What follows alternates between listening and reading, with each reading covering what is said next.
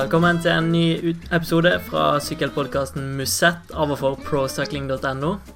Eh, Etter å ha stupt inn i det nye året har Isagir Ion Isagir i hvert fall fått eh, sykkelen på rett kjøl, og vi får satse på at vi klarer å holde like stødig kurs som han i dagens episode, Theis Magelsen og Simon Nesler.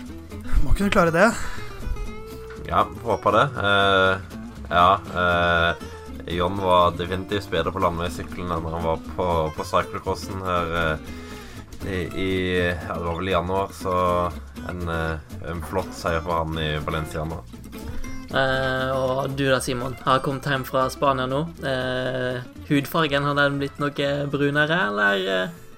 Eh, nei, jeg skal ikke, skal ikke påstå det. Det var, det var fint vær her i Spania. Det var rundt Det var vel rundt 16-17-18 grader på, på ettermiddagen og, og sol, men eh, jeg skal vel ikke påstå at jeg lå så mye i solveggen akkurat. Så den er ganske bleik som vanlig. Så Strandløven våknet ikke. Nei, det var så langt til stranda, vet du. Så Ja, ikke sant. Hadde våkna hvis det var litt nærmere kysten. ja, definitivt.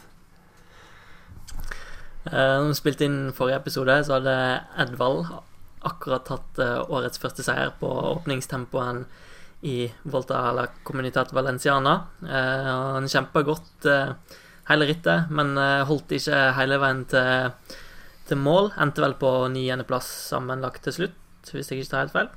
Men vi må vel si at det var en god prestasjon av han likevel.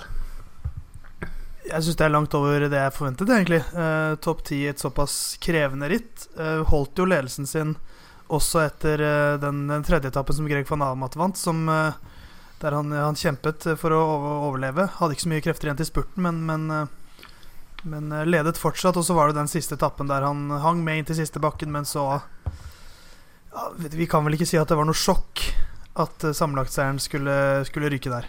Nei, absolutt ikke. Den bakken ble jo også brukt i, i Volta Spania for tre-fire år siden, og, og dog Hvis du husker det resultatet, så, så, så var jo det en, eh, en bakke som skilte mye, og det skilte mye denne gangen òg.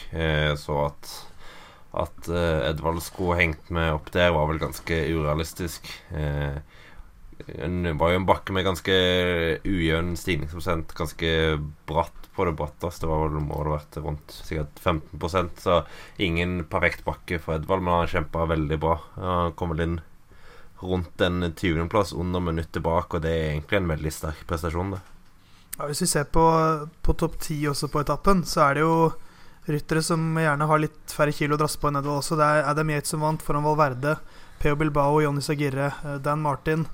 Og så Sergio Higuita, kanskje litt overraskelsesmann. Uh, mest ukjent i hvert fall. Jesus Arada osv. Dylan Turns, Jack Haig. Det er eh, lette klatrere, så eh, ikke uforskammet på noe vis at Edvald ikke henger med der.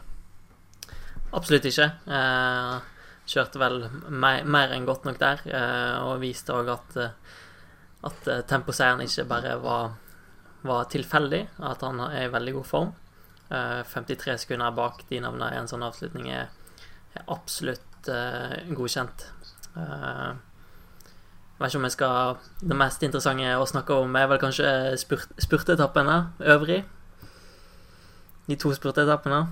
Kristoff fikk eh, testa seg litt etter eh, litt skuffende sesongåpning eh, på Mallorca, mm, der han bare fikk 11.-plass. Eh, både han og Edvald var godt fremme på den andre etappen, spurtetappe til Alicante.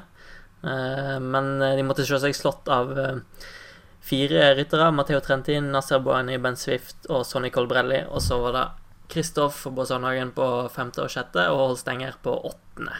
Ja, det var jo en litt sånn En eh, spurt som ble avgjort på På de som hadde studert avslutningen nøye.